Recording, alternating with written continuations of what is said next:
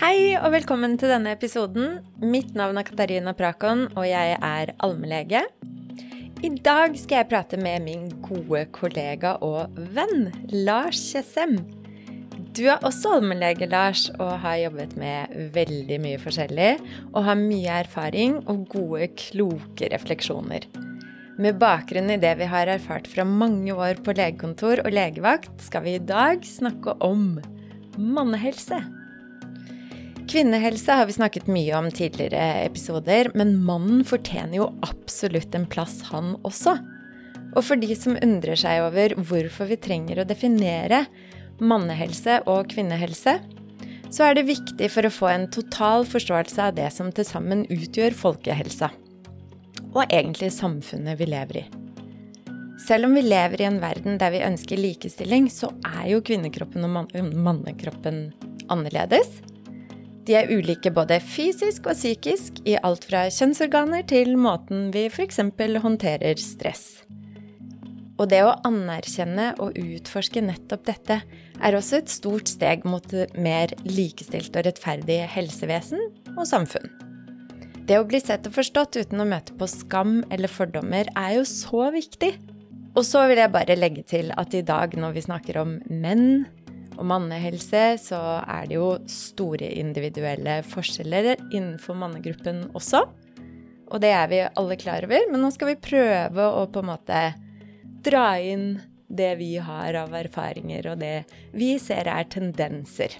For det vi opplever på kontoret, Lars, det, jo, det var jo det første vi egentlig snakket om når vi tok for oss, eller bestemte at vi har lyst til å snakke om mannehelse, som du brenner veldig for så var vi begge egentlig ganske samstemte at når er det menn egentlig kommer på kontoret, og hva kommer de for? Jo, de kommer og sier 'kona har sendt meg'. det er den erfaringen du også har, ikke sant? Og hvorfor ja, det er det sånn? Nei, hvorfor er det sånn? Det er et veldig godt spørsmål. Um, nei, vi menn er jo, uh, er jo generelt litt treige når det gjelder å ta tak i egen helse, blant annet. Ja. ja og det er jo som du sier, vi ser ofte at uh, menn kommer når kona har sendt dem, eller stilt et ultimatum hjemme. At nå, nå må du gå og få sjekka det der. der. Mm. Og da ser vi ofte at det har gått litt langt, da. Mm. Uh, det er nok mange årsaker til at det blir sånn. Uh, det har jo vært gjort utallige studier på dette, bl.a. hvor man har sett på biologiske forskjeller, men også kulturelle og, og samfunnsmessige årsaker da, til dette.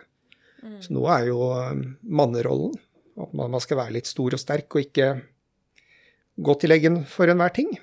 At uh, og den gjennomsyrer jo egentlig hele mannens liv, akkurat den derre mannerollen og mannsidealet. Vi må snakke litt mer om akkurat det etterpå. Ja. Jo, det er, det er jo nettopp det. Det, det gjennomsyrer nok eh, manges liv på den måten. Ja. Og så ser man jo det at eh, eh, Som en annen kollega påpekte, at eh, jeg tror menn ofte opplever at det, man er litt til bry hvis man går til legen. Mm. Man ser ikke helt at man tar seg tiden for alle små problemer. Uh, og på motsatt side så ser man jo det at kvinner som faktisk oppsøker legen for det de oppfatter som endringer i sin tilstand, de tjener på dette i form av økt forventet levetid, bedre helse over tid. Ja, for er, kvinner lever lenger enn menn. Kvinner lever lenger enn menn. Og det har vært en trend i mange år. Og man har jo tenkt på er det fordi at uh, det er biologiske forskjeller. Mm. Har kvinnene bedre genetikk for langt liv? Mm. Uh, og flere og flere forskere peker på at det er nok ikke den store årsaken. At det er mer hvordan vi lever livet som påvirker livslengden. Ja. ja. Hvordan, hvordan, da? Nei, Eller hvordan jo, ser man det? Det ble bl.a. gjort studier i, uh, i, religiøse miljøer i Tyskland og i USA. Uh, veldig homogene miljøer hvor menn og kvinner lever veldig likt. Mm. Hvor denne forskjellen i forventet levetid uh, utjevnes. Så det tyder på at uh, når man lever likt, lik risiko, lik terskel for å gå til legen, så, så har man en likere forventet levetid. Hm. Så det tyder på at eh, her i vårt samfunn, hvor det er stor forskjell i forventet levetid mellom kvinner og menn, så har det mye på hvordan menn lever livene sine. Ja, for hvordan lever egentlig menn livene, og hvorfor, hvorfor er det slik at de lever kortere i vestlige samfunn? Hva er det de gjør som er så gærent? ja, hva, hva, er det vi ikke gjør? Nei, altså alt er jo fra ung alder. Uh, unge gutter og risikoaktivitet. Det er jo én faktor. Uh, andre er mer usunn livsstil ofte. Høyere alkoholinntak, tobakksbruk, overvekt. Um, mm. Og så er det nok uh, tilbake til mannerollen, som jeg var inne på. Det er vanskeligere for menn å prate om tøffe ting i livet. Mm. summen av dette er jo at, at menn har en økt dødelighet både fra hjerte- og karsykdom, kreft, selvmord. Alle holdt på å si, sykdommer som har en betydelig livsstilsfaktor.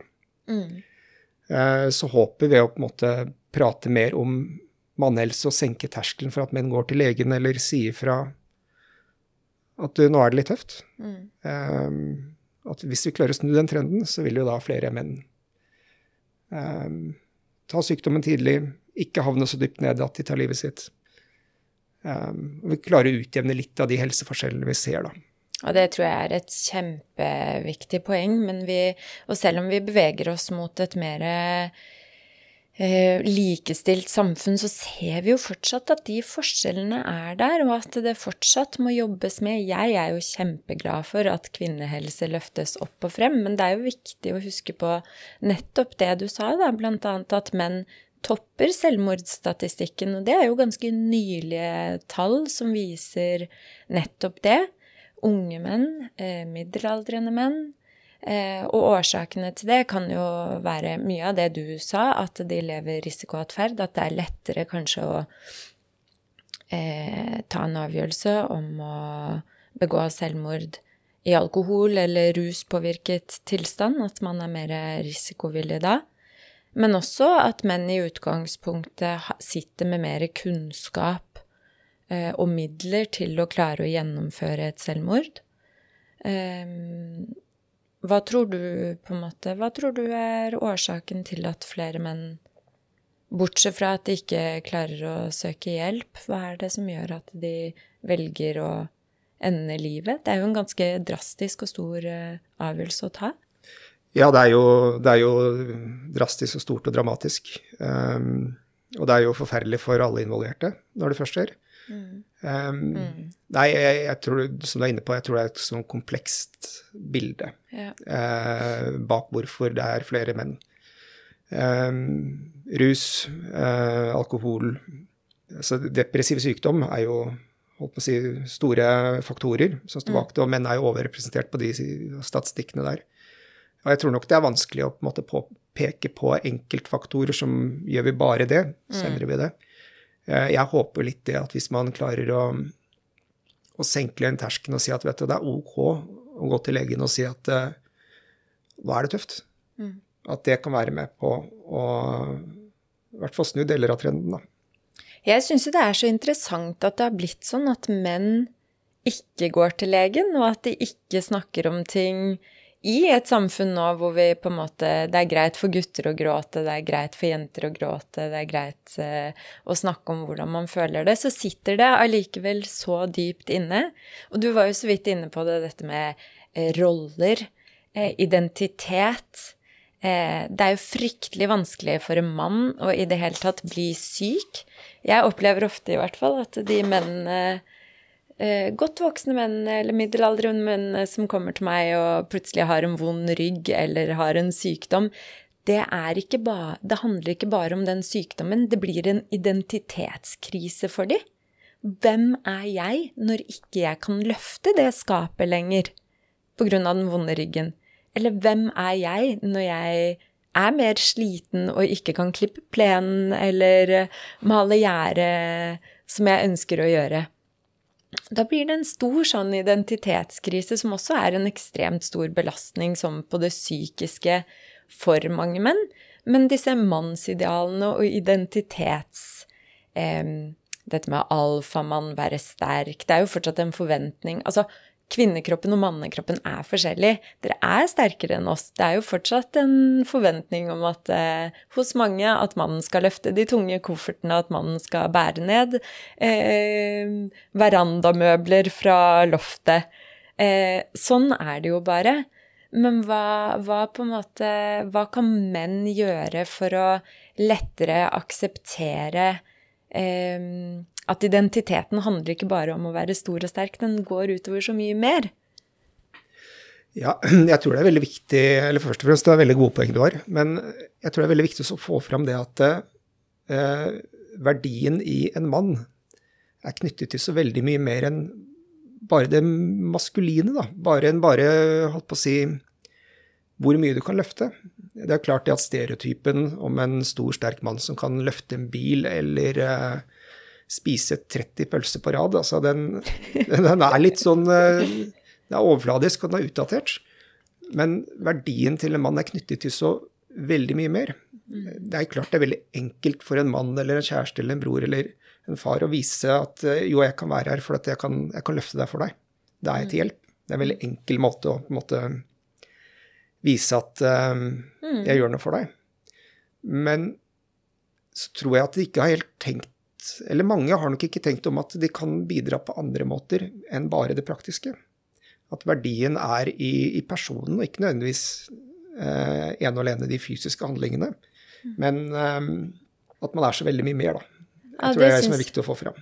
Og det er så utrolig fine og gode poenger, Lars. For det tror jeg også fort blir eh, glemt og lite fokusert på. Og jeg syns jo det er fascinerende, eller veldig fint, å se arbeidsplasser som har like mange menn og kvinner. Eller i familier, eller nabolag eller vennegrupper. Eh, hvordan man utfyller hverandre med det man har, da. For en av forskjellene på menn og kvinner er jo at kvinner har en syklus. Vi har hormoner som går opp og ned, og som ikke alltid gjør at eh, Og dette er også veldig individuelt, så jeg håper ikke jeg provoserer noen der ute nå, men at vi ikke alltid, i hvert fall gjelder det meg, tar rasjonelle valg. Jeg styres av mine hormonsvingninger, og eh, ja, Iblant så er det dette fascinerende PMS-syndromet som gjør at ting virker mørkere, og iblant så er man helt høyt oppe og tenker helt annerledes på ting. Men da er det så fint å lene seg på enten en kjæreste eller en mann eller en god kollega som eh, har denne stabile rytmen egentlig av hormoner som det dere har, i hvert fall i noen år. Vi skal komme tilbake til når den, når den begynner å svinge, for det har ganske store konsekvenser, det òg. Men stort sett gjennom livet så er jo menn styrt av et hormonnivå som er relativt stabilt. Mens vi kvinner går opp og ned. Og sammen så utfyller hverandre så utrolig fint. Bare der også, tenker jeg. Ja, definitivt. Og, det der at um, det, viser seg jo ikke bare i forhold til humørsvingninger og sånn, men, men, kvinner har jo en, um, et mer komplekst tankemønster i forhold til å tenke ut um, årsakssammenhenger. Uh, det viser seg jo mer praktisk at kvinner er jo flinkere til å ha to tanker i hodet samtidig. Gjøre flere ting samtidig. Mm. men er jo veldig sånn sekvensielle. Først det, så det, så det. Og folkens, det må vi akseptere, og ikke tvinge menn til å gjøre flere ting samtidig, for det går gærent. Det går gærent. Ene og alene. Én ting av gangen. Det, det, er det enkleste. Men, men, det er nettopp det, altså hvis vi er litt ærlige om disse forskjellene, og på en måte, som du sier, heller um, se på hvordan kan det utfylle hverandre. Mm. Det er jo da man får det beste ut av et, et parforhold, et vennskap, familiekonstellasjon, mm. hva som helst. Og anerkjenner at vi er forskjellige, og at uh, det betyr jo ikke det at, det noe, at vi har noe forskjellig verdi av den årsak. Og litt sånn for å vinkle det inn på for menn, da. Mm. Jeg tror jo ofte at uh, menn føler at hvis de ikke kan være maskuline og på den måten de tror menn skal være, så, så har de ikke noe verdi. Um, og det, det, er jo, det, er jo, kanskje for noen mennesker et, uh, en årsak til at de fort havner litt i sånn eksistensielle tankemønstre og problemer, da. Mm. Når, de, når, de, opplever at ryggen ryker og de ikke kan fikse huset på den måten. Mm. Um, så jeg, jeg, tror jo ja, én åpenhet rundt problemene, og to åpenhet og ærlighet rundt at man er forskjellige, er jo på en måte viktig, viktig faktor å ta med seg. da. Mm. Og det å faktisk Jeg leste en studie apropos selvmordsstatistikk. Hvis vi sveiper en liten tur innom det, at selvmordsstatistikken gikk ned, har gått ned i store kriser. Det vil si andre verdenskrig, pandemien, faktisk. Eh, hvor man ser Og så har man vurdert hvorfor er dette. Eh, og mange eksperter uttaler seg da om at eh, Nei, den det er den tilhørigheten som er så viktig når det er krise rundt, og man trenger hverandre.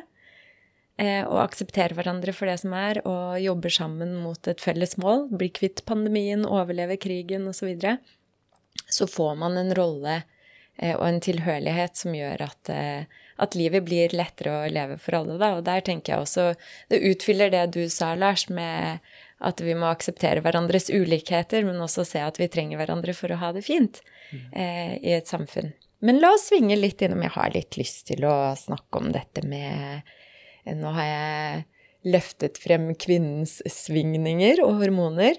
Men menn, eh, og det med testosteron Testosteronnivået er jo ganske stabilt fra tenårene og opp til kanskje 40-45 års alder, hvor det begynner å droppe litt sånn sakte, men sikkert. Eh, mannens overgangsalder. For det er jo egentlig første gang menn opplever en hormonsvingning, og den er jo da, ikke sant, kjempeenorm eh, når den først kommer, i og med at dere ikke har erfaring med det fra før? Ja, den eh, menns overgangsalder har jo fått, fått, mange forskjellige navn. eh, nei, altså det, det, er jo noe som uunngåelig går den veien, og som får mer og mer oppmerksomhet, nettopp det med synkende testosteronnivå hos menn. Mm. Ser, For hva skjer når testosteronet synker hos menn? Kan vi ikke bare ta en runde på det først? Ja, det som skjer er jo at uh, men opplever jo først og fremst da en litt sånn eh, tap av energi. Altså de har ikke kanskje samme overskudd som de hadde før.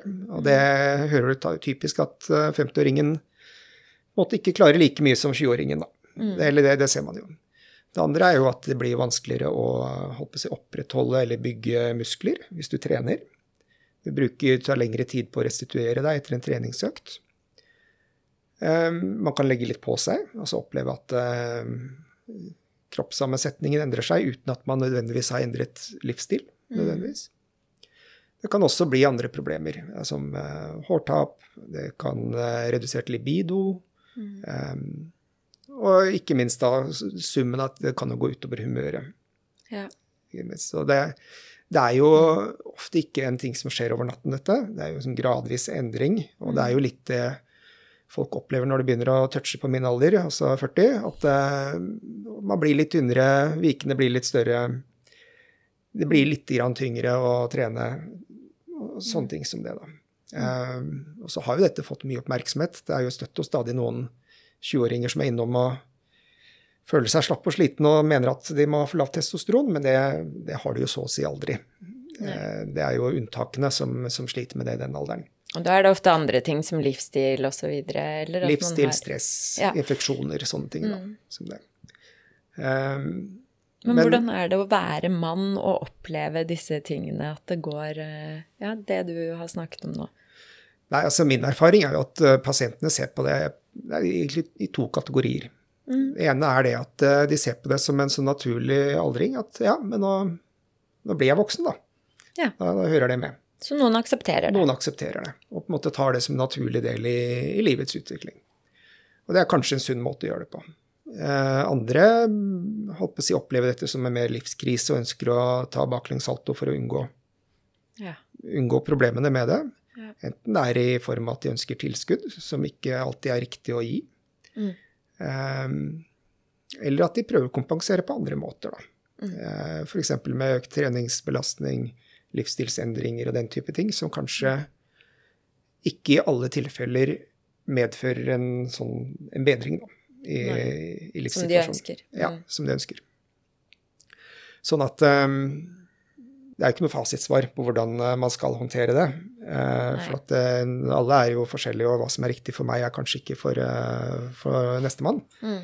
Men jeg tror nok det viktigste er at når menn kommer i den fasen man opplever at det er endringer i kropp og humør og energinivåer, at man, at man fort har en dialog med, med legen sin da, mm. dette. Igjen for å bare få bekreftet at dette er en naturlig utvikling.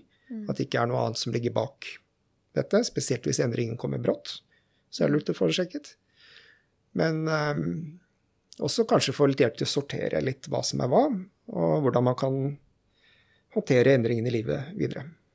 Kompensere og fortsatt ha en eh, identitet som kanskje er litt annerledes enn det man var før. I stedet for å løfte 120 kilo benk eller løpe maraton eller uh, sånne ting. At man heller kan finne glede i andre ting som er uh, mer riktig tilpasset uh, alder og energinivå. Som for eksempel Husker jeg hadde en, en mann, godt voksen mann, som alltid hadde vært alfamann og alltid hadde trent masse i tidligere idrettsutøver og la veldig mye identitet i dette å være en mann.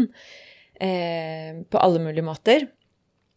Og hans eh, på en måte overgangsfase i denne eh, overgangsalderen for menn eh, ble mange år med identitetskrise, altså virkelig krise, men hvor han klarte å komme ut på andre siden, og heller da ha byttet ut denne mange kilos benkpressen med yoga.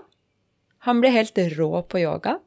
Eh, dette med mm, ut med gutta og drikke øl eh, fem dager i uka, som ble fryktelig slitsomt etter hvert, ble byttet ut med en kulinarisk reise hvor han tok masse matkurs og la veldig mye i å lære seg å lage god mat til de han var glad i. Eh, blant annet av å dyrke andre hobbyer som er litt sånn vennligere mot den utgaven man kanskje blir. Og så tror jeg nok, sånn som du sier da, Lars, at det, man tar problemet når det først er der, eller når man kjenner på det og er kjent med at dette kan komme. Det kan skje. Det er en normal utvikling. Snakk med noen om det der og da. Men også viktig med forkunnskaper, og at det snakkes mye om i forkant. sånn som Overgangsalder hos kvinner har jo blitt løftet veldig frem, og vi står mer forberedt nå enn det vi kanskje gjorde tidligere med det som venter oss, men også at menn vet at det vil komme en alder som kan endre deg, eh, og alle endres ulikt. Eh, men vær forberedt på det, og tenk ut hva du har lyst til å gjøre når du begynner å merke disse forskjellene. Hvem har du lyst til å prate med? Hvilke plan B-hobbyer har du for å allikevel opprettholde en god livsstil? For vi lever jo så lenge nå at vi har jo halve livet igjen på andre siden av overgangsalderen, så det er jo bare å starte å dyrke det du er tilpasset din alder, tenker jeg. Ja, og definitivt. Og det du var inne på der i forhold til å ha en plan B eller ha noen hobbyer, det er jo, det er jo kjempeviktig. For du ser jo at uh, veldig mange menn de identifiserer seg jo med jobben sin, med yrket sitt, det de mm. har å gjøre. Og så møter de da litt på veggen den dagen de skal pensjonere seg. For da har ikke de noe å holde på med. Åh, det er super, ja. ja. Kjempeviktig, akkurat så det, det du sier der. Så det er egentlig veldig godt poeng. At man, eh, man, må også kunne Man må finne et liv utenom utenom jobben. Da. En, eh, og det trenger ikke være store ting, men bare en interesse, noe man har å, å fikle med. Enten det er å polere bil, eller uh, grave gull i elver, eller uh, gå turer eller se fugler, hva som helst. Mm. Bare at man, at man, har noe å holde på med. For man ser jo det at uh, sofaen, den, den, tar jo liv. Ja, den ja. gjør det. den gjør det. Og menn, menn er vel også dårligere på å dyrke relasjoner etter hvert. De går ganske hardt ut i 20-åra og er ute med gutta omtrent hver kveld i 10-15 år. Eh, og nå, med fare for å generalisere igjen, det har jeg ikke lyst til, men tendensen er jo at kvinner er flinkere og bedre på å dyrke relasjoner, dyrke vennskap, dyrke de tingene også i voksen alder, enn det menn er. Så hobbyer er én ting, relasjoner og være bevisst rundt det er jo en annen ting. Definitivt. Og du ser jo det at uh, menn har jo ofte en liten sosial omgangskrets utenfor familien mm. når de nærmer seg pensjonsalder. Um, og det var litt, litt der jeg håper at via en hobby så kanskje du kommer i kontakt med flere som, som deler interessene dine. Mm. At du kan, uh, kan få et, en større omgangskrets på den måten. Men, men ja, du har helt rett. Uh, altså Sosial omgangskrets er også veldig viktig for, for helse. Mm. Og der er ikke menn spesielt flinke. Mm. Så alt dette går litt inn i begrepet på en måte um, inngangshelse. Altså hva, hvilket sånn grunnlag har du for å på en måte møte utfordringer senere? Mm. Og jeg tror menn kan være flinkere med å tenke på den måten. Mm. Uh, si, bygge, bygges opp uh, litt nettverk, bygges opp litt hobbyer. Uh, akseptere det at livet endrer seg.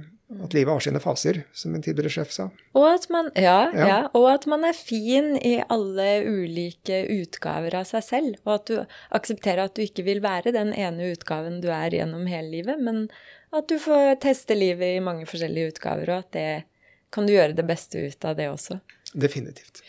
Vi har jo snakket nå mye om Dette her er superviktig og kjempefin eh, ting. Mye, med, men mye handler jo om mental helse og mindset av det vi har snakket om nå. Eh, vi har svippet så vidt innom kroppen og hvordan den endrer seg. For menn har jo Hva er det som er spesielt med mannekroppen? Jo, menn har f.eks. en prostata, de har kjønnsorganer som kvinner ikke har, og som gjør de utsatt for eh, noen sykdommer som kvinner aldri vil få. Hva er det egentlig med kroppen til menn? Hva bør de sjekke hos legen? Hva bør de følge med på av sånne kroppslige ting for å ta kontakt med en lege? Nei, altså mm, Steg én er jo ta kontakt hvis du opplever endringer. Ja. Det er enten psykiske eller fysiske endringer. Opplever du at uh, dobesøkene er annerledes, at det går raskere, treigere, ikke går i det hele tatt? Hvis du opplever uh, at du har en kul et sted, en ny flekk, at du plutselig er eh, mye slappere, eller at du har vondt noe sted, det er regel én. Endringer, så kom deg fort til legen. Og gå en gang for mye enn en gang for lite. Mm. Eh, og det, det gjelder egentlig kvinner og menn og barn og eldre og alle det. Mm. Ja. Kvinner er flinkere til det. det, er det. Kvinner er flinkere Ja. til det. Ja. Eh, steg to, det menn, for å være litt spesifikk for menn, det menn veldig ofte opplever, da, er jo problemer relatert til prostata, eller urologiske problemstillinger. Og da er det jo vannlatingsbesvær. Som Ja. er, eh, er det som eh, hos noen så begynner det å komme i 40-årene, andre er heldige og får det senere. Mm. Da kan det være ting som at du får en treig stråle, eller du må opp om natta og gå på do. Vanskelig å tømme seg. Mm. Slike ting. Og da, da er det lurt å gå til fastlegen sin og bli undersøkt. Og ved behov da få en time videre hos en urolog. Ja, for det er vel eh, i og med at vi lever lenger nå enn det vi nå har sagt det fryktelig mange ganger gjennom denne episoden her. Men vi gjør det, og det har jo noen fordeler med seg, men også noen utfordringer. Eh, fordi er det ikke sånn at eh, 80% av alle menn på 80 år egentlig har prostatakreft? Eller nå er jeg ikke helt sikker på helt tallet der, men fryktelig mange menn har en prostatakreft. Ja. Eh, Jeg husker heller ikke de tallene sånn eh, på, på, stående, på stående fot, men ja. Det og det er jo skrekken for veldig mange menn, men det er jo ikke alle som dør av det. Nei, altså for, for å si det på en annen måte, da. eh, Lever du lenger nok, så blir det en eller annen kreftcelle i den prostataen din. Det er forskere ganske sikre på. Ja. Men hos de aller, aller, aller fleste så er det noe du dør med, og ikke av. Mm. Veldig mange krefttilfeller i prostata kan håndteres bare med overvåkning. At man følger med. Og så har urologene da eh, en stor verktøykasse hvordan man kan behandle dette. eh, for å holde sykdommen i sjakk, eller kurere den helt. Mm.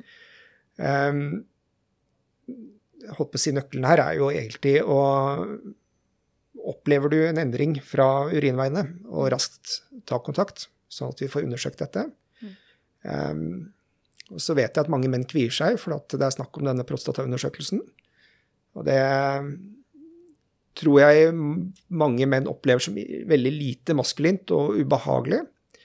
Men alternativet er så langt mye verre. Ja.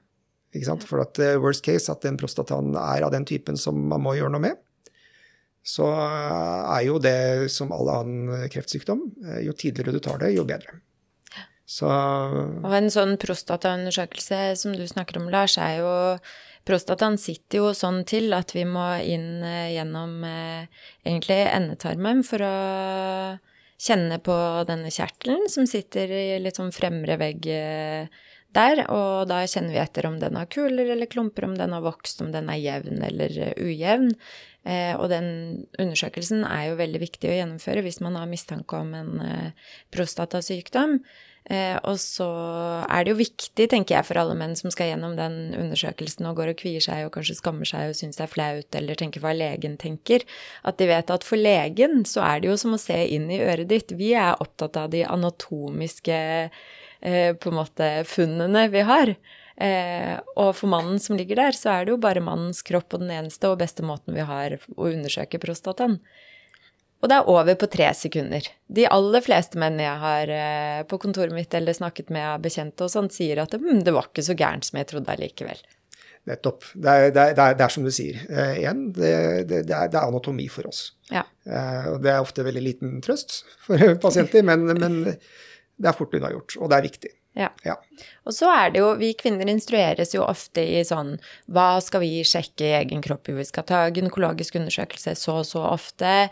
Vi skal følge med på brystene våre og undersøke de sånn og sånn. Masse flotte kampanjer der ute som viser hvordan vi skal gjøre det. Eh, men menn har jo også, bortsett fra prostata, så har de jo også testikler. Eh, som bør sjekkes. Eh, på egentlig samme måte som vi kvinner har bryster og brystvev. Altså menn kan få brystkreft, de også, men sannsynligheten for det er mye mindre, for de har mye mindre brystvev som det kan utvikle seg kreftceller i. Eh, men det mange menn ikke vet, er at eh, risiko for testikkelkreft er i utgangspunktet ganske lav, men den er høy i ung alder. Det er jo litt spesielt. Eh, sånn at eh, menn egentlig fra Eh, tenårene og opp til 40-45 år bør regelmessig sjekke testiklene sine. Og hva skal de kjenne etter da, Lars? Ja, altså, du, har, du, har, helt rett. Det er jo, dette er jo spesielt for, de, for unge, unge, unge, menn ja. som er viktig. Eh, det anbefales at man en gang i måneden, eh, spesielt etter man har tatt en dusj, hvor skrotum, altså pungen, er litt avslappet, legger testikkelen mellom tommelen og pekefinger og langefinger. Og kjenner over at den er glatt, og at den er relativt uøm, at den ikke har noen punkter som er veldig vonde, eller har endret seg da i størrelse eller, eller kontur. Holdt på å si, eh, Det mange opplever, er jo det at de eh, altså som har utviklet eh, noe ondartet i testikkelen, de opplever jo at de kjenner en sånn ertestor klump som har mm. kommet der veldig fort. Dette er gjerne ledsaget ved en sånn tyngdefornemmelse da, i, i pungen. Eh, og da er det bare å komme seg til legen med en gang. Mm. Og det er jo litt sånn eh, bitestikler og litt sånn eh, ting som ligger også i, eh, i pungen, på en måte. Sånn at eh, hvis man lurer, så er, er, det jo Kan man kjenne på begge sider og se om det er sideforskjell, og så vil det også være en litt sånn enklere måte å, å avklare det på hvis man er usikker. Men sånn som du sier, denne ertestore klumpen som kommer raskt, den er viktig å følge med på. Så tenker jeg jo oftere man gjør denne undersøkelsen og er bevisst på den, jo bedre kjenner man sin egen kropp og vil raskere eh, se om det er en endring. Eh, og jeg syns det var så fint du sa at jeg gjør det en gang i måneden som en sånn rutine, fordi Eh, det er jo en ferskvareundersøkelse, så selv om du var hos legen for fem år siden og fikk sjekket testiklene dine fordi du trodde var noe der, så kan jo denne klumpen dukke opp neste uke eller om tre uker eller om fire uker. Så det er viktig å gjøre den litt sånn regelmessig og være bevisst, for den eneste og beste talspersonen for sykdom i egen kropp er jo deg selv. Det er jo du som må oppsøke lege og si 'hei, nå har jeg funnet et eller annet'. Helt riktig. Uh, og det er, det er, som du sier, altså, det, er jo, det er jo ferskvare. At ja. uh, en undersøkelse hos en lege er et øyeblikksbilde. Mm. Si sånn ser det ut her og nå. Mm. Uh, så det er jo hvis du opplever da at at det er noe nytt. Mm. Det er mm. derfor det er fint å gjøre en gang i måneden. For mm. da har det aldri gått så langt tid at det blir umulig å håndtere. Mm. og så er det jo veldig, veldig lav terskel mm. undersøkelse. Det koster ingenting og er gjort på, på ett minutt. Ja. ja så det, det, bør alle menn gjøre. Ja. Mm. Masse gode råd og fin prat eh, med deg i dag, Lars. Eh, takk for at du ville komme hit og, å ha denne fine praten og løfte frem alt du har av kunnskap eh, rundt mannehelse. Vi har jo vært innom både det mentale og det fysiske og disse ulikhetene og hvorfor det er viktig å løfte mannehelse. Viktigheten av å eh, ha et nettverk rundt seg, av å føle at man hører hjemme. og før vi avrunder helt, hvilke helseråd har du til menn, Lars? først og fremst takk for at jeg fikk komme. Jeg kjøper meg to sekunder på å tenke på helserådene. Nei, vet du, det, er, det er veldig enkelt. Litt sånn oppsummert det vi har Ja, snakket om. Du har jo sagt så mye bra. Veldig, veldig, veldig enkelt. Eh, Ha en lav terskel for å komme til legen hvis du opplever noen endring i egen kropp. Og med kropp så mener jeg det fysiske deg og det tankemessige deg. Enkelt og greit. Det er ingen, ingen skam i å komme til legen. Av og til så trenger man å holdt på å jobbe litt for å finne en lege man har en god relasjon til. Eh, Men når du har funnet det, så gjør du så mye for deg selv hvis du er litt tøff, er tidlig ute og tar tak i egen helse så sier du, nå lurer jeg på om eh, ikke alt er helt riktig her. Eller hvis man er så tøff og sier at du vet du, nå sliter jeg. Så, så helserådet mitt er vær tøff, ta tak i deg selv. Gå til legen hvis du trenger det. Åh, det var superbra. Tusen takk, Lars. Og takk til alle dere som har lyttet til oss i dag. Kanskje dere kjenner en mann som trenger å høre dette og vil eh, videresende episoden.